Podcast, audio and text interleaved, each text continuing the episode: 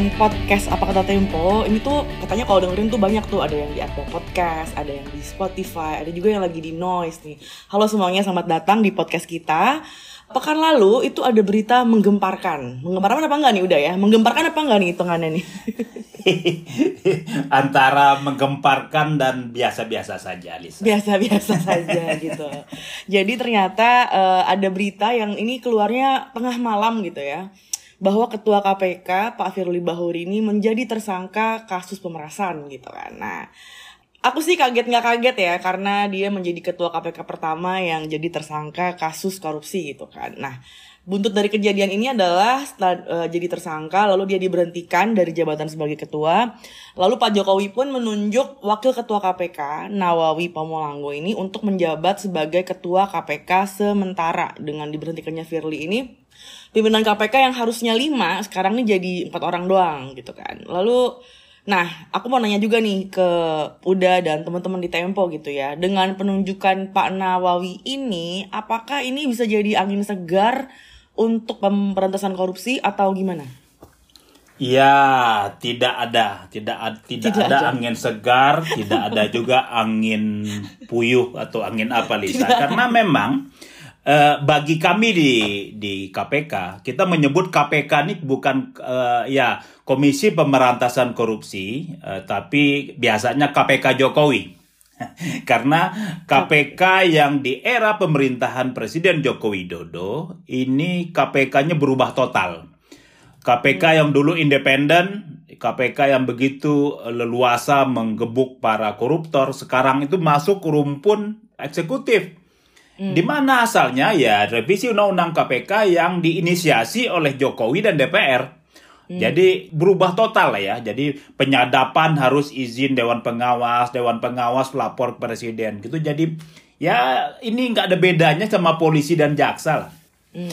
Bahwa kemudian, nah, bahwa kemudian ada ya ketua KPK Firly Bahuri, uh, seorang uh, pensiunan komisaris jenderal polisi ya, ini juga sudah barang busuk sejak lama.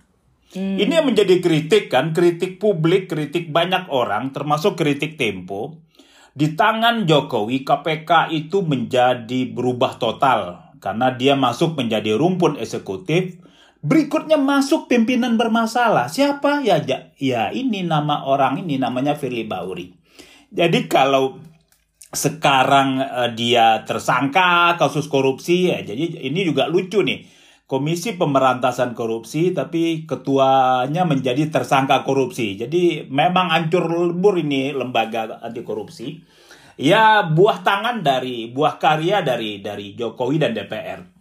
Karena mereka yang memilih dulu padahal seluruh kita tahu Firly Bahuri punya rekam jejak yang sangat buruk, pelanggaran etik, naik helikopter bertemu dengan orang yang sedang menjadi target operasi pen OTT KPK gitu. Jadi lolos malah dipilih jadi jadi uh, hmm. komisioner KPK dan masuk menjadi ketua KPK. Kalau sekarang, oh apakah tobat? Eh, belum, jangan terharu. Oh jangan-jangan presiden tobat nih uh, hmm. atau DPR merasa bersalah enggak juga. Ini banyak nuansanya, Lisa. Nuansa ada nuansa pertarungan, ada uh, ya. duel perkara di majalah di cover majalah Tempo gitu duel perkara polisi dan KPK. Ada juga nuansa politis. Nah, kita akan bahas panjang lebar pasti nanti soal berbagai okay. nuansa yang muncul. Tapi udah mau nanya juga nih, apakah pemilihannya Pak Nawawi sebagai pengganti ini gimana udah rekam jejaknya gitu? Iya, Pak Nawawi kan ini adalah seorang uh, apa hakim karir. Dia dia menjadi okay. hakim mulai sejak 1992 di mm. di Dore pengadilan negeri kemudian sampai menjadi hakim pengadilan tipikor Jakarta gitu dan lain-lain. Jadi ya ini orang suka lupa nih. Kenapa KPK sebelum direvisi oleh Jokowi bagus memberi harapan banyak orang bahwa dia bisa menjadi simbol untuk memberantas sebuah kejahatan yang luar biasa, extraordinary crime namanya kita sebut itu ya. Mm -mm. Uh, karena sistemnya bagus. Sistem yang ada di KPK itu artinya sendal jepit pun kita taruh jadi ketua dia bergerak tuh. Karena karena penyidik, penyelidik, uh, pengaduan masyarakat sudah sudah sudah bekerja dengan baik. Ketika sistemnya itu di dirontokkan lewat revisi Iya. undang-undang KPK, ya jadi simbol saja misal. Ya Iya. Firly ganti dengan Nawawi nanti dengan siapa pun lah jadi simbol saja. Jadi berarti simbol. apa-apa gitu ya udah. Ya, yang lebih parahnya ini eh, lembaga penegak hukum khusus bidang korupsi bisa menjadi alat politik. Karena dia punya matahari kiblatnya itu ke presiden. Ini kan lembaga eksekutif ini Lisa, sama dengan polisi dengan jaksa.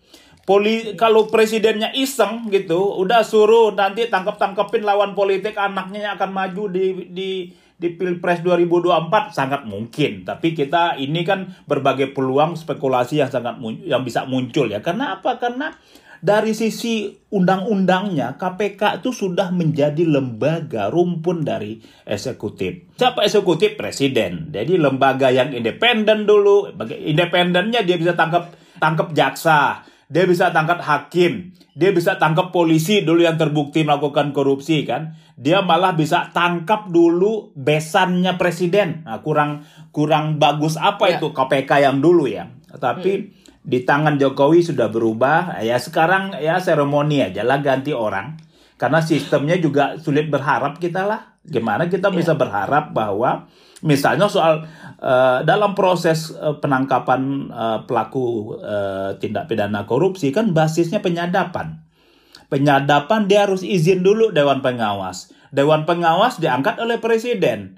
Kalau orang-orang dekat orang-orang Presiden dilapor dulu, nanti nggak keluar izinnya, Ga- gagal OTT-nya gitu. Jadi tidak ada harapan lagi terhadap institusi ini. Meskipun berganti, jangan berpikir jangan taruh malaikat pun sama kalau sistemnya begini. Karena karena berbagai kerusakan di fondasinya itu sudah rusak, Lisa Ya. basis mereka untuk bekerja sistem dan undang-undangnya itu sudah ya sa- 11-12 dengan lembaga penegak hukum yang lain. Begitu Lisa. Jadi secara institusi mungkin ya udah begitu aja gitu ya, maupun siapa pemimpinnya. Nah kita bahas dulu udah kasusnya yang eh, menimpa Firly ini gitu kan, karena kan Iya. eh, kita udah pernah kupas sebenarnya di teman-teman kalau mau dengerin lagi tuh episodenya 111 gitu ya, bisa didengerin ulang untuk konteks yang lebih lengkap. Tapi intinya eh, dia diduga ketemu dengan eh, bekas Menteri Pertanian eh, Syahrul Yassin Limpo. Jadi saat itu kasusnya Limpo sedang diusut oleh KPK dan Firly diduga menerima uang untuk meredam kasus tersebut di eh, Kementerian Perta- eh, Kementerian Pertanian gitu. Nah, tapi memang eh, rumahnya itu baru di, udah digeledah tuh bulan lalu dan sudah disita beberapa barang dari sana gitu kan. Tapi baru jadi tersangka pekan lalu. Nah, ini eh, menurut temuan Tempo ada tarik ulur dalam penanganan kasus Firly di kepolisian. Nah, ini mungkin seru nih kalau kita tanya ke Uda soal ini Iya. penemuannya. Iya Lisa. Jadi memang sekilas kan ini uh, Syahrul Limpo Menteri Pertanian ditetapkan menjadi tersangka. Kemudian ketika jadi tersangka dia melaporkan pimpinan KPK eh, Firly Bahuri melakukan pemer- melakukan pemerasan diproses oleh polisi. Sekilas ini biasa-biasa saja proses yang alami. Ini serangan balik koruptor gitu. Oke. Tapi yang terjadi betul kalau kita telusurin tarik ulur. Kenapa Polda yang menangani? Kenapa bukan Barreskrim? Nah, itu satu pertanyaannya. Ya. Ada cerita lain, Kapolda Metro Jaya itu Inspektur Jenderal Karyoto itu kawan angkatannya Firly. Oke, orang yang punya sejarah dulu yang tidak baik juga dengan Firly. Eh, misalnya Firly pernah memulangkan Karyoto ke Mabes Polri bersama eh, Direktur Penyelidikan Endar Priantoro ya. Jadi kemudian dilawan kan Endarnya balik. Sisi lain, nah di sisi lain temuan-temuan anak eh, teman-teman di lapangan ternyata Karyoto juga ada masalah di yang sedang diusut oleh KPK. Ada kawan dekatnya, eh, sahabat eh, apa kongsi bisnisnya lah ya, diduga kongsi bisnisnya Muhammad Suryo. Jadi dia ini oh, pengusaha Yogyakarta Galian C punya PT ya jadi SKS singkatannya jadi nanti detailnya SKS itu orang-orang eh, menyingkat itu eh Suryo Karyoto S-nya ini misteri.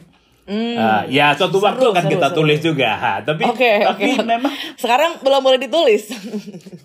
Sekarang belum boleh prosesnya ditulis. itu tarik ulurnya kencang sekali. Oke Oh, deh ternyata orang menduga, kita menduga ini sengaja dimainkan untuk menekan Firly uh, dalam urusan uh, dugaan suap ke Sahrul Yassin Limpo. Sisi lain Firly memainkan juga kasus di KPK yang melibatkan yang diduga melibatkan Karyoto. Jadi ada suap dalam pembangunan uh, rel berganda ya uh, di Dirjen Direktorat Jenderal Perkereta Apian Kementerian Perhubungan. Perusahaannya Suryo ini dapat uh, sleeping fee. Jadi karena salah tender sebagai uang jago karena dia punya backingan hebat di belakangnya dapat sembilan setengah miliar gitu dari komitmennya berapa miliar gitu jadi inilah yang diusut dan Betul saja, Suryo pun sudah menjadi tersangka sekarang. Artinya, garis besarnya apa? Bahwa ini duel perkara, ini punya kepentingan semua, jadi tidak melulu hmm. pemberantasan korupsi. Firly dihajar dengan dugaan uh, suap, mungkin betul ada suapnya, tapi ada motif lain. Motif lain ya ini, Kapoldanya terganggu kalau ini nanti naik bisa menyeret-nyeret ke dia gitu. Jadi hmm. jadi lagi-lagi ya inilah potret pemberantasan korupsi di era Presiden Jokowi. Inilah KPK-nya Jokowi gitu. Jadi ya. sudah kacau balau, tidak beraturan dan dan dan ini akan dicatat menjadi sejarah buruk buat perjalanan publik ini. Oke. Okay. Udah dulu itu kan sebelum undang-undang KPK direvisi, ini polisi dan KPK ini adalah dua lembaga yang sering berselisih itu kan, apalagi saat ada orang kepolisian yang dibidik sama KPK gitu. Tapi dalam kasus ini berarti uh, yang tadi udah bilang itu ya, jadi ini lebih lebih masalah karena ada kepentingan-kepentingan aja gitu ya, bukan kelanjutan dari sisa perselisihan yang dulu gitu. Iya, kalau dulu Lisa kasus uh, yang misalnya oke okay, uh, dalam kasus yang pertama ketua KPK yang pertama terjerat menjadi tersangka itu kan Antasari Asar. Kasus pembunuhan. Kasus pembunuhan Nazarudin ya, Direktur Unit Anak Usaha BUMN. Itu adalah pidana pribadi mungkin. Kemudian ada masuk kemudian ke cicak buaya. Cicak buaya itu antara dulu wakil wakil ketua KPK Chandra Hamzah dan si ada satu lagi itu berseteru dengan kabar reskrim waktu itu. Kabar reskrimnya Susno Duaji. Muncullah istilah cicak buaya. Hmm. Kemudian berikutnya si uh, Abraham Samad juga menjadi tersangka pemalsuan dokumen. Ini juga dibuat-buat karena ya akhirnya dibatalkan cicak buaya juga. Cicak buaya juga disebut artinya KPK-nya cicak, polisinya buaya. Nah, jadi karena karena e, tindakan hukum itu terjadi ketika KPK melakukan suatu tindakan yang mengganggu kepolisian. Kalau sekarang buaya satu versus buaya dua, jadi tidak cicaknya sudah berubah menjadi buaya, buayanya tetap menjadi buaya gitu. Jadi buaya satu versus buaya dua. Ya, okay. ya, ya, ya ini kan sama-sama besar dan sama-sama tidak menjanjikan gitu. Jadi tidak patut dibela juga salah satunya gitu. Biarkanlah mereka buaya itu saling mencakar, saling membunuh gitu yeah. dan kita jadi penonton yang baik saja. Udah ini kuasa hukumnya Firly menyebut kalau penetapan tersangka Pak Firly Bahuri itu terlalu dipaksakan. Nah ini temuan teman-teman di Tempo, apakah benar ini pemaksaan atau buktinya kuat atau enggak udah? Prosesnya kan adalah ketika diumumkan Sahrul Yassin Limpo menjadi tersangka, ternyata ada laporan ke polisi. Ada saksi-saksi, di kemudian ada pengakuan penyerahan uang, dilakukan penggeledahan dan lain-lain. Jadi mungkin saja betul ada temuan itu gitu loh. Apakah hmm. ini dipaksakan? Ya ini susah juga kita menyatakan yang dipaksakan. Jangan-jangan betul gitu. Tapi ya lebih dari itu bukan soal bukti sebetulnya. Soal motif. Hmm. Motif hmm. saling kunci. Gue pegang kartu lo loh, kata kata Firly. Nah, hmm. kata Karyoto, gue gas lo di sini loh gitu. Jadi jadi saling saling kunci. Jadi ini ini ini menyedihkan dan sekaligus mengkhawatirkan ketika proses hukum pemberantasan korupsi menjadikan alat bargaining pribadi masing-masing aparatnya gitu. Jadi ya kalau saya sih ya udah sama saling buka saja lah. Hmm. Yang proses di KPK buka, jangan berhenti di Muhammad Suryo, bagaimana keterlibatan petinggi-petinggi yang lain. Di, di Firly kalau betul-betul terbukti selanjut saja ke pengadilan. Meskipun Firly kan sudah ada upaya perlawanan nih dia mengajukan pra peradilan kan baru akan disidang nanti di pekan pertama Desember. Tapi ya ya kita ingin katakan bahwa uh, pemberantasan korupsi uh, sudah menjadi tunggangan para aparatnya. Ya. Tidak hanya di, di KPK juga di polisi. Terbukti kan ini. Ya, bagaimana kita bisa percaya kenapa pertanyaan menarik kenapa ini harus ditangani oleh Polda Metro Jaya? Kenapa ya. bukan Bareskrim? gitu yang relatif lebih seimbang gitulah apakah Polda Metro Jaya ada potensi konflik kepentingannya yang terjadi sekarang bahwa hmm. Kapoldanya itu juga ada masalah di KPK sana gitu loh jadi jadi memang inilah inilah ini akan tinta emas bagaimana hancurnya dicatat oleh sejarah dengan air mata dan tidak tinta emas diralat karena bagaimana hancurnya eh, perang melawan korupsi di ujung pemerintahan Jokowi. Hmm, oke. Okay. Dan ini memang uh, ada indikasi korupsinya juga ya ke Kapolda Karyoto ini, uh, udah. Ya karena prosesnya sudah orang yang disebut itu uh, kongsi bisnisnya Muhammad Suryo itu sudah menjadi tersangka. Sudah, ya. Dan ini kan bukan sekali ini saja. Lisa ada kasus uh, suap korupsi penanganan uh, BTS di Kementerian Kominfo ya Kementerian Komunikasi dan Informatika yang Joni Plate yang dua sosok ini juga ada di BAP berita acara pemeriksaan muncul di persidangan ada Muhammad Suryo ada Karyoto dalam hal lain banyak lagi hal-hal lain gitu jadi jadi lagi-lagi kita berharap uh, pemberantasan korupsi ini kan halaman kotor nih nggak boleh dong dikasih ke sapunya yang kotor juga. Gimana sapu hmm. kotor bisa membersihkan halaman yang kotor? Yang ada tambah kotor gitu. Jadi ini ini fakta-fakta yang sudah terbuka gitu loh Lisa, sudah terbuka ya. secara terang benderang, muncul di persidangan, ada di dokumen pemeriksaan. Jadi mau berkelit apa lagi ini fitnah udahlah ke laut lah kalau masih juga berkelit ya e, suruh tobatan nasuha lah orang-orang yang yang sudah terbuka begitu apa-apa disebut fitnah. Oke, jadi ini apa kata Tempo soal kisruh KPK versus polisi sekali ini udah? Kalau kita boleh preview nih opininya. Iya, kita ingin nyatakan bahwa proses Firly terbiarkan berlanjut, terus berlanjut sampai ke pengadilan bukti harus sampai terbukti kalau dia terbukti berikan sanksi yang seberat-beratnya. Sisi lain proses di uh, eh, KPK yang menyangkut orang dekat kongsi bisnis uh, Karyoto juga berlanjut. Jadi harus saling buka, jangan hanya berhenti di Muhammad Suryo gitu. Jadi prosesnya berjalan, publik akan memantau tapi satu kesimpulannya inilah buah tangan kehancuran program pemberantasan korupsi di Republik ini. Dan ini terjadi di era pemerintahan Jokowi. Gitu. Jadi hmm. uh, ini kalau kita gali-gali lagi ini nanti akan menjadi maki-makian saja Lisa. Lebih baik kita akhiri saja. Karena karena Oke oke oke. Oke teman-teman, demikian kita preview dikit apa kata Tempo minggu ini. Nanti kalau dilanjutkan bisa uh, bisa parah kayaknya, jadinya kita hentikan dulu sampai sekarang. Dukung terus Tempo untuk menghadirkan jurnalisme berkualitas dan jangan ragu juga untuk tinggal kita komen setelah dengerin episode ini. Thank you banget sudah mendengarkan sampai di ujung dan kita akan jumpa lagi pekan depan. Sampai jumpa.